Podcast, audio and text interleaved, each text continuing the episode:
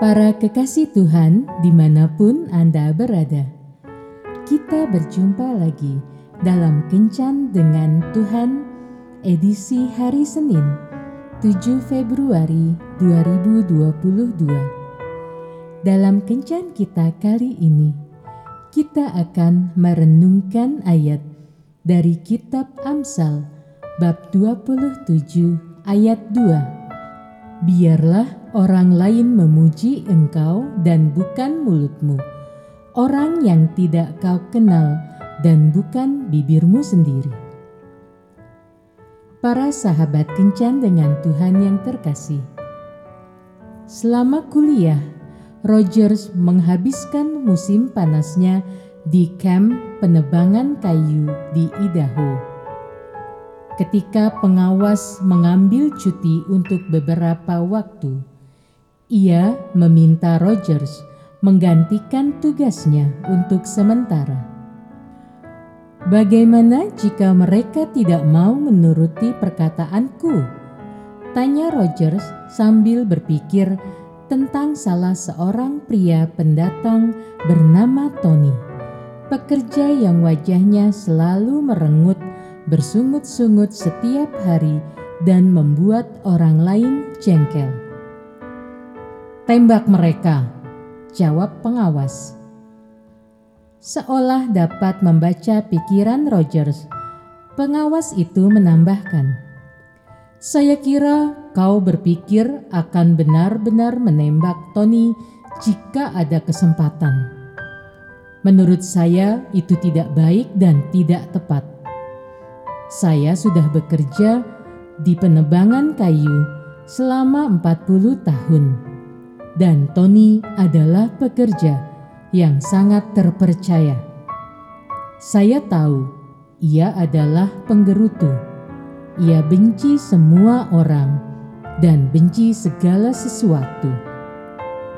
Tetapi ia selalu datang lebih awal dan pulang paling terakhir. Tidak pernah ada masalah dengan pekerjaannya Keesokan harinya, Rogers mulai menjalankan tugasnya. Ia mendekati Tony dan berkata kepadanya, "Tony, apakah kau tahu bahwa saya sekarang bertanggung jawab untuk mengawasi para pekerja di sini?" Tony pun mulai menggerutu. Tadinya saya akan menembakmu jika engkau membuat masalah. Tapi saya ingin kau tahu bahwa saya tidak melakukan niat saya ini. Pengawas telah memberitahu saya bahwa engkau adalah pekerja yang sangat ia percayai. Kata Rogers kepada Tony.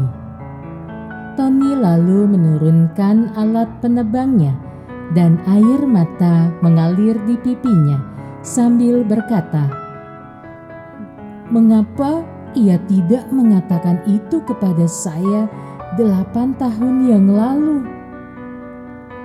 Hari itu, Tony bekerja lebih keras dari sebelumnya, dan ia mulai tersenyum. Ia berkata kepada Rogers, "Engkau adalah pengawas pertama yang mengatakan bahwa hasil kerja saya baik. Setelah musim panas, Rogers kembali ke kampusnya. 12 tahun kemudian, ia bertemu Tony lagi. Kini, Tony sudah menjadi pengawas pembangunan jalan kereta api dari perusahaan kayu terbesar di barat.